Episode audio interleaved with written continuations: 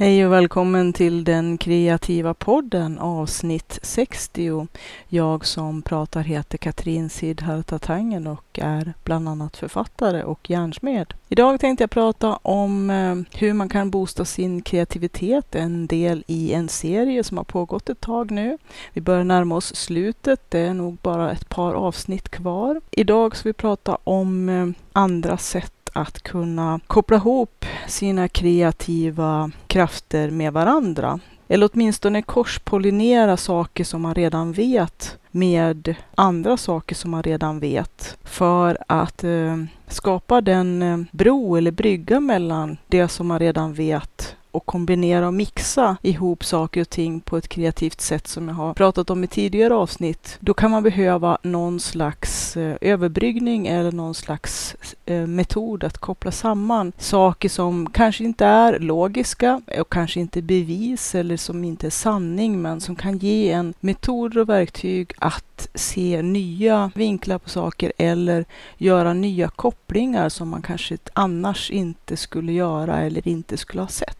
Och det som jag tänker mig i det här avsnittet, det är det man brukar kalla för analogier och metaforer. Och analogier och metaforer låter ju väldigt komplicerat, egentligen är det himla enkelt. Och eh, jag tror att de allra flesta människor gör det varenda dag, nästan. Analogier kan översättas till liknelser och då blir det ju genast lite lättare att greppa. När vi gör liknelser så är det oftast ett mellanled utav som. Jag ska ta några enkla som alla är ganska bekanta med. Hungrig som en varg, klok som en bok, listig som en räv. Som man märker då med liknelser så finns det alltid ett mellanled av som. Det handlar om jämförelser, oftast i alla fall. Man liknar saker vid varandra. Det som är gemensamt för både analogier och metaforer är att det är olika sätt att på ett mer kanske lättillgängligt och pedagogiskt sätt kunna se vad det är man försöker se. Det används ju ofta inom retoriken, alltså inom talarkonsten och inom undervisning och pedagogik att vi använder oftast analogier, det vill säga liknelser, för att ge flera olika sätt att förstå en sak som kanske kan kasta ett ljus på hur vi egentligen menar. Samma sak med metaforer som egentligen är, liksom liknelsen ofta är, en, ett slags bildtänk. Fast med metaforer så är skillnaden den att det inte är en liknelse som med analogier, utan då fattas det här ledet som. Då är det mera renodlat bildtänk och inte så mycket jämförelse. Jag kan ta ett exempel på, ett eget exempel på det här med metaforer, som i och för sig är ganska farfetched, men det är i alla fall ett eget exempel istället för de kanske mer utnötta som används av alla för att prata om metaforer. Och det var när jag undervisade i data och IT. Då var det en person som var lite frustrerad över att inte kunna fortsätta arbeta med en viss typ av fil i ett annat program som inte hade skapat filen ursprungligen. Och jag försökte förklara varför inte den här personen kunde använda den filen i det här programmet på det sättet som personen ville. Till saken hör att filen var filformatet var kompatibelt med både det gamla och det nya programmet. Men ändå fick inte den här personen det önskade resultatet eftersom att som sagt kunde inte använda den redan använda eller den redan arbetade filen i det här nya programmet. Och utan att gå in på några teknikaliteter så efter ett antal försök att förklara varför inte det här gick så bad personen mig att eh, hitta ett sätt att förklara som skulle vara lättare att förstå genom att använda de tekniker som det här avsnittet handlar om. Och eh, föreslog att jag skulle ta ett exempel som var väldigt jordnära. För att jag tror att det kanske också är lite grann nyckeln i det här med analogier och metaforer, att de är väldigt jordnära. Att det är saker som vi antingen kan se framför oss eller som vi har i våran, i våran konkreta fysiska jordnära verklighet som gör att det är lätt för oss att tänka i bilder helt enkelt, att se det framför oss på ett annat sätt. Då var förslaget att jag skulle försöka omsätta det jag försökte överföra, den här informationen, med, en, med ett exempel taget ifrån eh, hur man kokar saft då kunde jag ju förklara att eh, problemet med det här, den här programvaran som den här personen vill använda krävde inte bara att man hade samma kastrull, det vill säga samma filformat, utan också att det fanns en slatt kvar utav den ursprungliga saften. Det var en kanske dålig liknelse, men i alla fall att kunna förklara en sak på ett sätt genom att använda liknelser eller metaforer gör att eh, man får en eh, överföring av information som annars, annars skulle vara svårt att greppa eller att, eh, att kunna se lika tydligt. Jag tror också att analogier och metaforer är ett bra sätt att kunna göra saker synligt. Och lite grann också det här med att kunna korspollinera redan befintlig kunskap eller kunskaper med varandra behöver de här överbryggningarna som analogier och metaforer, det vill säga liknelser och bildtänk kan ge oss. Det man också kan använda i kreativt syfte om man vill eh, tänka i nya banor kring någonting, det är att hitta en liknelse som kanske kan eh, vidga ens eh, perspektiv eller få en att se saker i ett nytt sken eller i en ny vinkel. Om man eh, kanske också gör liknelser eller metaforer kring hur det tänkta arbetet eller den tänkta saken som man kanske vill vidareutveckla eller hitta en mix eller en ny kombination utav antingen arbetsmetoder eller kreativa grepp eller sätt att se ny, nya vägar att eh, lösa problem eller nya vägar att skapa någonting som till dags dato, dato inte finns. Och det kan ju vara att eh, jämföra med någonting som man redan handgripligen eller väldigt tydligt kan se framför sig eller vet om. Man kan ju göra liknelser som eh, kanske inte alltid är sådär eh, genuint helt igenom fungerande också. Att många gånger så haltar ju liknelser och metaforer, men det är en del i spelet. Att man kan inte alltid få eller tänka sig att det inte finns egentligen heller något behov utav att en analogi eller, eller en metafor ska vara helt och hållet perfekt. Utan eh, man får ta de led eller de delar utav liknelsen eller metaforen som ger en den informationsöverföring eller den förståelse. För jag tror att det handlar mycket om att skapa en, eh, ibland en intern förståelse, alltså i, i sig själv för att kunna greppa någonting eller se någonting på ett nytt sätt. Eller ibland också i pedagogiskt syfte eller i kommunikationshänseende. Mycket av de kreativa processerna kräver en hel del både informationsöverföring och eh, kommunikation och även då pedagogik för att man ska få gehör för och förståelse för sina idéer. Så att inte bara i den egna kreativa processen för att skapa och skapa nytt, så kan det också vara att man behöver kunna överföra sitt sätt att tänka eller de här äh, analogierna, de här metaforerna, liknelser och bildtänk för att kunna även meddela sig med dem som man kanske ska arbeta med eller som är mottagare utav det som man har tänkt att äh, utveckla eller skapa. Också då som sagt eh, för att övertyga, för att eh, som sagt det här med liknelser och metaforer är ju kända grepp inom retoriken. Om man söker på liknelser eller, en, eller analogier och metaforer så får man upp en massa, massa andra olika delgrenar utav de här företeelserna och en massa olika retoriska grepp som eh, är lika gamla som de gamla grekerna. Och metafor är ju också ett gammalt ord som är härlett ur två egna ord där det första meta är över och att det andra ledet är bärare. Och då kan man väl kanske tänka sig att eh, metafor skulle betyda att bära över betydelsen. Och jag tänker mig just det här med broar och att skapa brygger. Det kan ju vara tankebrygger och det kan ju vara olika typer utav sätt att förmedla.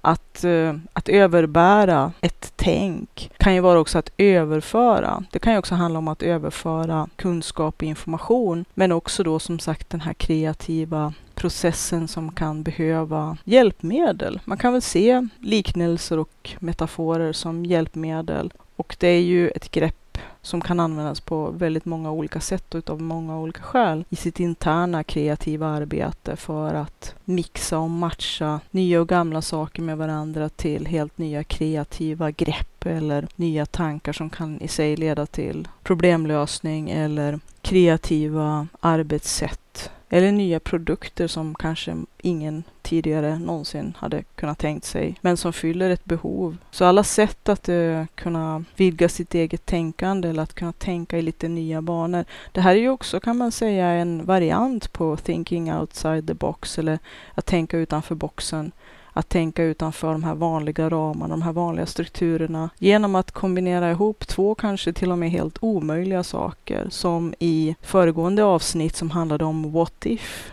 Så att alla de här teknikerna de går lite grann ihop i varandra och eh, även kan med fördel mixas och kombineras i sig. Så att här blev det väldigt meta-meta kan man säga. När det gäller metaforer så finns det ju en mängd olika, både kända och kanske mindre kända. Och jag har ju använt en hel del liknelser och metaforer i alla avsnitt, tror jag nästan, utav den kreativa podden. Och nu när jag ska prata om det så blir det alldeles uh, stilla i skallen. Men uh, jag tror att de som har hängt med i den här podden uh, kanske har snappat upp eller tänker på en del av de liknelser som, och metaforer som jag har gjort. Några som är klassiska, jag tänker att jag ska hålla mig till sådana som är jordnära för att lite tydligare demonstrera exempel och inte så mycket den kreativa delen lämnar jag över till dig och det kan också vara så att man måste eh, ta fram liknelser och, och, metaforer i just det sammanhang som man är och arbetar i för att det ska bli användbart. Så att, att sitta här och kläcka ur sig en massa liknelser och metaforer som skulle vara universella eller på något vis hjälpa alla i deras kreativa process just där de är just nu. Det tror jag inte skulle vara på något vis möjligt. Men jag har ju använt en ganska genomgående liknelse för den här podden eller metafor när det gäller kreativitet och att i alla fall för att uh, åskådliggöra och föra över min tanke med och uh, det som jag om man liksom ska spetsa till saker och ting, tycker att kreativitet för mig är, och jag har ju kallat det för den kreativa resan och att egentligen livet är en enda kreativ resa. Eller om man vill kalla det för konstruktion. Jag tror att några av de mest använda liknelserna och metaforerna kommer ifrån till exempel resor, och olika typer utav fordon. Man tänker som, jag tror jag nog har tagit ganska många liknelser och metaforer från sjöfart ifrån, eh, jag kan tänka många kanske använder bilar eller tåg eller hästskjuts är ju också kanske någonting. Man brukar säga på engelska putting the cart before the horse när man tänker lite bakframt. Att eh, jag har använt i alla fall, tror jag,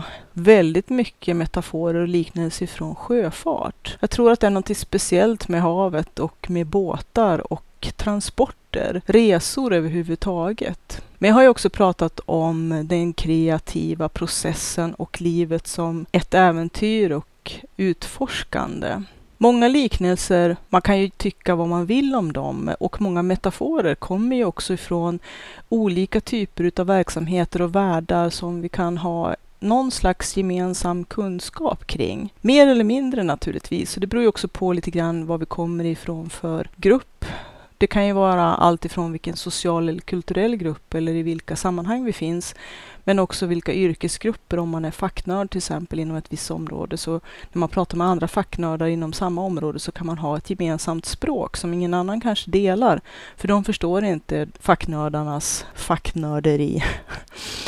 Några andra gemensamma områden som jag tror kanske är lite mera generella som kanske fler kan eh, använda eller ha förståelse i om man inte fördjupar sig kanske och går ner på väldigt eh, mycket detaljnivå. Då måste man kanske som sagt igen vända sig till de som antingen är facknördar eller, eller är särskilt djupt intresserade av just det området. Men jag kan tänka, och jag vet att några av mina vänner, framförallt de som hatar sport, avskyr när man gör liknelser och metaforer som är inom sportområdet. Men ibland kan jag tycka att de faktiskt kan eh, vara användbara. Spela ihop som ett lag, eller en liknelse, komma i mål, Det kan ju också vara en liknelse eller en metafor. Det kan ju finnas så himla mycket inom sporten som man kan använda i, som liknelser och metaforer. Spela bollen om man tänker att man ska vara en aktiv deltagare. Ett annat område som är tacksamt för liknelser och metaforer är ju ekonomi. Där kan man ju göra många olika kopplingar. Om man till exempel vill prata om kommunikation eller relationer så kan man ju se, även om att jag vet att även där finns det många som ogillar att man använder ekonomiska liknelser, ekonomiska metaforer. Men jag ser inte som, relationer är ju oftast inte, om man nu bortser från affärsrelationer, så är ju oftast inte relationer business. Det handlar inte om ekonomiska eller utbyten som är som handlar om vinning och så. Men tankesätten kan ju hjälpa en att förstå saker och ting, som till exempel att om man inte investerar så kommer man inte att komma så långt i till exempel en relation. Att det måste vara ett gemensamt risktagande som en joint venture till exempel. Det kan ju också handla om att man ser sin relation och det utbyte man har som ett eh, gemensamt bankkonto. Att Visst, när det är kriser och svårigheter så måste man ibland göra uttag som är enkla, enkelriktade eller kanske ensidiga. Men att om man inte på samma sätt sätter in så, så kommer ju ens konto eller det gemensamma kontot att sakta sjunka till noll. Ibland kanske väldigt fort ifall att inga som helst insättningar görs om ingen investerar och bidrar. Men det måste ju också ske ömsesidigt. Men att om en eller båda parter, var och en för sig eller tillsammans, gör väldigt stora uttag, då hamnar man ju till slut på noll och kanske till och med minus. Det är ju samma sak med kommunikation också, att uh, det måste ju finnas en, uh, en slags uh, balans där. Men sport och transport transporter, ekonomi. En hel del av de eh, begrepp som finns inom affärsvärlden kan ju också ibland vara liknelser och metaforer i vårt privata liv som kan vara både bra och dåliga naturligtvis. Jag har ju i flera avsnitt i den kreativa podden sagt att jag ogillar alla uttryck som kan vara prestationsångestskapande eller att vi är tillräckligt prestationsstressade eller orienterade. Att många har ju prestationsnojor och sådana saker. Att man kanske inte behöver, helst inte i alla fall, göra den här prestationsångesten värre. Att eh, man kanske ibland, jag ser ju som sagt det här med metaforer och liknelser som ett hjälpmedel. Och då får man också se det i relation till att det är bara ett hjälpmedel. Det är bara ytterligare ett verktyg i verktygslådan. Det är inte någonting som är totalt eller absolut eller på något vis heltäckande eller universellt eller som är den enda sanningen eller någonting sånt där. Utan det är bara ett verktyg som alla de andra verktygen. Det är bara ytterligare en penna, ytterligare en pensel, ytterligare en skruvmejsel om man nu vill se det så. Där ser ni ytterligare en metafor, att man kan använda verktygslådan som en liknelse. Men att eh, man kanske får blunda lite grann för sina personliga åsikter och inte lägga för mycket eh, värderingar i de liknelser och metaforer man använder för sin egen räknings skull, så att säga. Att bara för att man är sporthatare så kanske man ändå kan använda en liknelse eller en metafor som är tagen ur sportvärlden. Och även om man kanske inte direkt är superförtjust i ekonomiska eller management eller businessbegrepp eh, eller liknelser så kan de ibland vara hjälpsamma som verktyg och att etiketter som man sätter på saker som man vill prata om är bara etiketter, det vill säga en utgångspunkt ifrån. Man kan eh, kanske hitta en gemensam startpunkt och sen prata vidare om man kan ringa in just den saken som man vill prata om genom att genom bildtänk, genom en metafor eller genom en liknelse få den som är mottagare eller en själv då i sitt eget tankearbete eller sin egen kreativa process kunna se vad man egentligen menar. Men ändå måste man se bortanför liknelsen och metaforen. Det är det här som är kanske lite grann svårt att förmedla när man berättar. Men i alla fall så har jag haft väldigt stor nytta utav liknelser och metaforer både i mitt kreativa egna tänkande och mina egna kreativa processer. Men också inte minst i, i pedagogiska och i situationer där jag försöker förmedla någon typ utav information, kunskap eller budskap. Där man försöker kommunicera någonting på ett pedagogiskt sätt för att få mottagaren att förstå ungefär var man kommer ifrån och hur man menar ofta är det ju någon typ av mekanism som man vill visa på. En mekanik eller en, eh, en företeelse eller en process som man kan hitta motsvarande i en mer kanske gemensamt känd verklighet. Och även om jag inte är någon sportfantast och inte sysslar med ekonomi mer än vad jag är tvungen till, så är det ju olika begrepp företeelser som är väldigt eh, jordnära och verklighetsbaserade som alla i någon grad i alla fall har haft kontakt med på något sätt. För liknelser och metaforer är ju oftast väldigt svepande och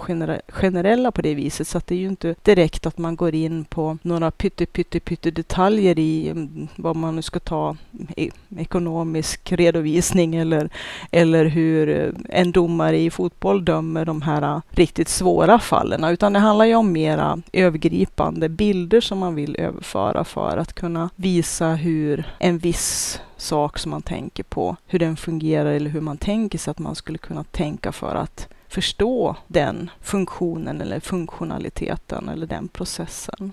Det blir ju väldigt abstrakt och mycket abstraherande när man ska försöka förklara det här fenomenet. Så, för som sagt, vi använder det här hela tiden, nästan varje dag. Både när vi pratar och när vi läser och när vi kommunicerar och i nästan alla sammanhang som människor, som språkanvändare. Och även om det ibland är saker som är så innött i oss att det kanske liknar klichéer så vet alla ändå vad vi menar.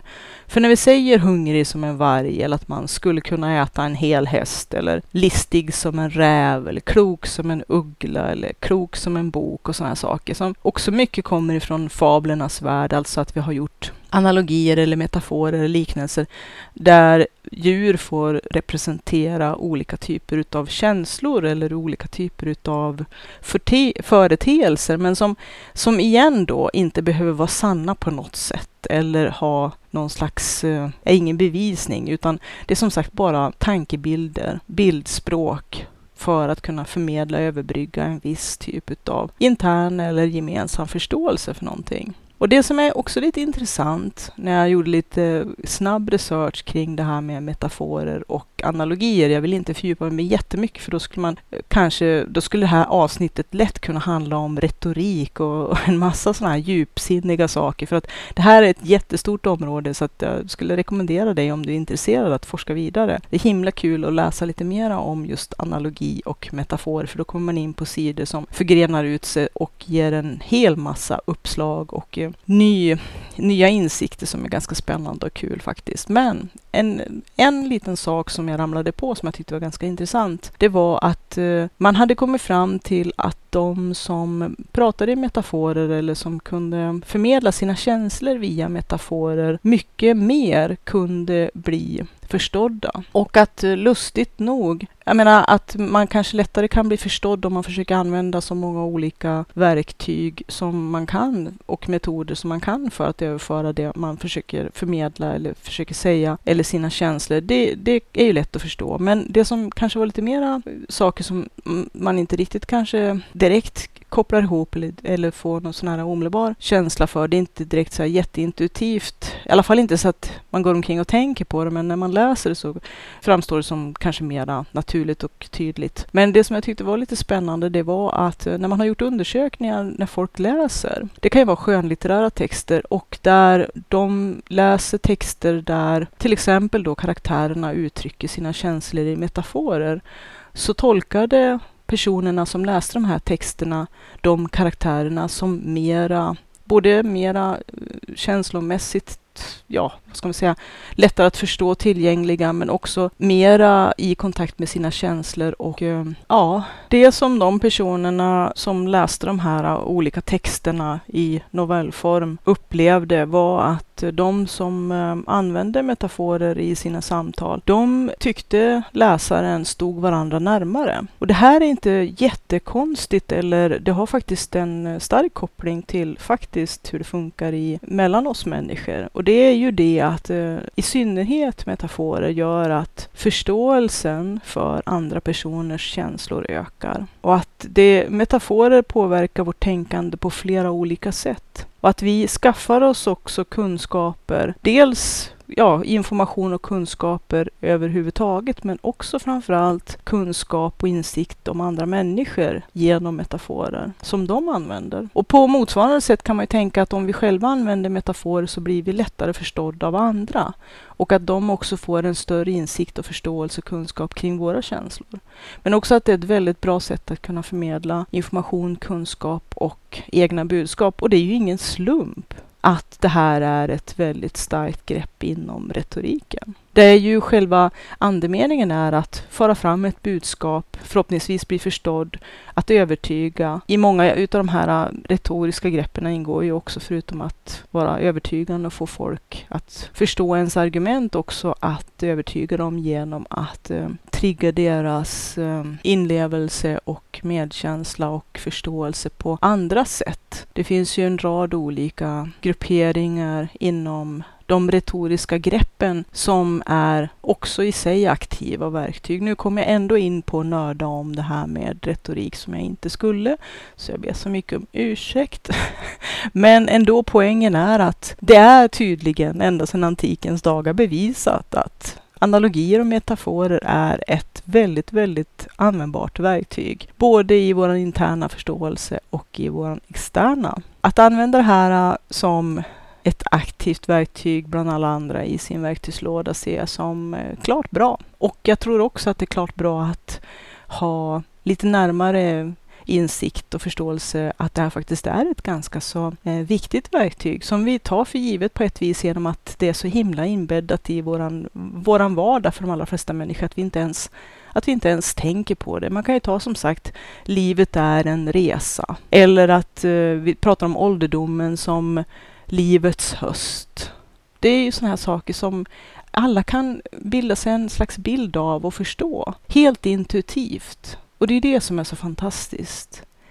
Med de orden tänkte jag avsluta det här lilla avsnittet. Hoppas du haft behållning av det. Gå gärna in på www.sidharta.se Z-I-D-D-H-A-R-T-A.se Det finns också en um, Patreon-sida så det ska vara himla kul och trevligt och hjälpsamt om du vill vara med och bidra till den här poddens drift och utveckling. Det kostar ju pengar att uh, hyra plats på Soundcloud varje månad för mig och eh, tiden som det tar att eh, både förbereda och genomföra en inspelning och redigera en podd tar tid. Och om du värderar den tiden som jag lägger ner så skulle det vara trevligt att se det via Patreon eller på något annat sätt.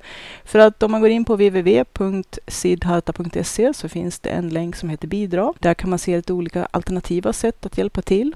Det kan också vara att dela den här podden med sina vänner och bekanta och på sociala plattformar. Också att ge den ett förhoppningsvis bra betyg och skriva en rad eller två. Det tar max två minuter så att andra hittar till podden. Och vill man gå in på Patreon-sidan som också snart nog kommer att utrustas med material som är för Patreon only, alltså de som betalar en liten slant, har tillgång till mer material, så går man in på www.patreon.com siddis. Patreon stavas P-A-T-R-E-O-N, Patreon com slash och då är det Z-I-D-D-I-S,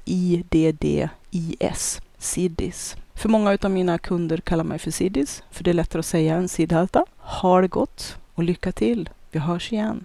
PS. Jag tänkte påminna om ett tidigare avsnitt när jag pratade om det här med att titta på bilder för att stimulera ens kreativa tänkande. Och eh, även om det är en inte riktigt jättestark koppling till metaforer så tänker jag att sitta och bläddra bland bilder. Om man browsar på internet och söker på vissa saker som man kanske just jobbar med så är det ett sätt att tänka i bilder i vart fall just det här att tänka i bilder tycker jag är väldigt stor hjälp när man försöker korspollinera och mixa och matcha redan kända kunskaper och insikter som man har med nya intryck.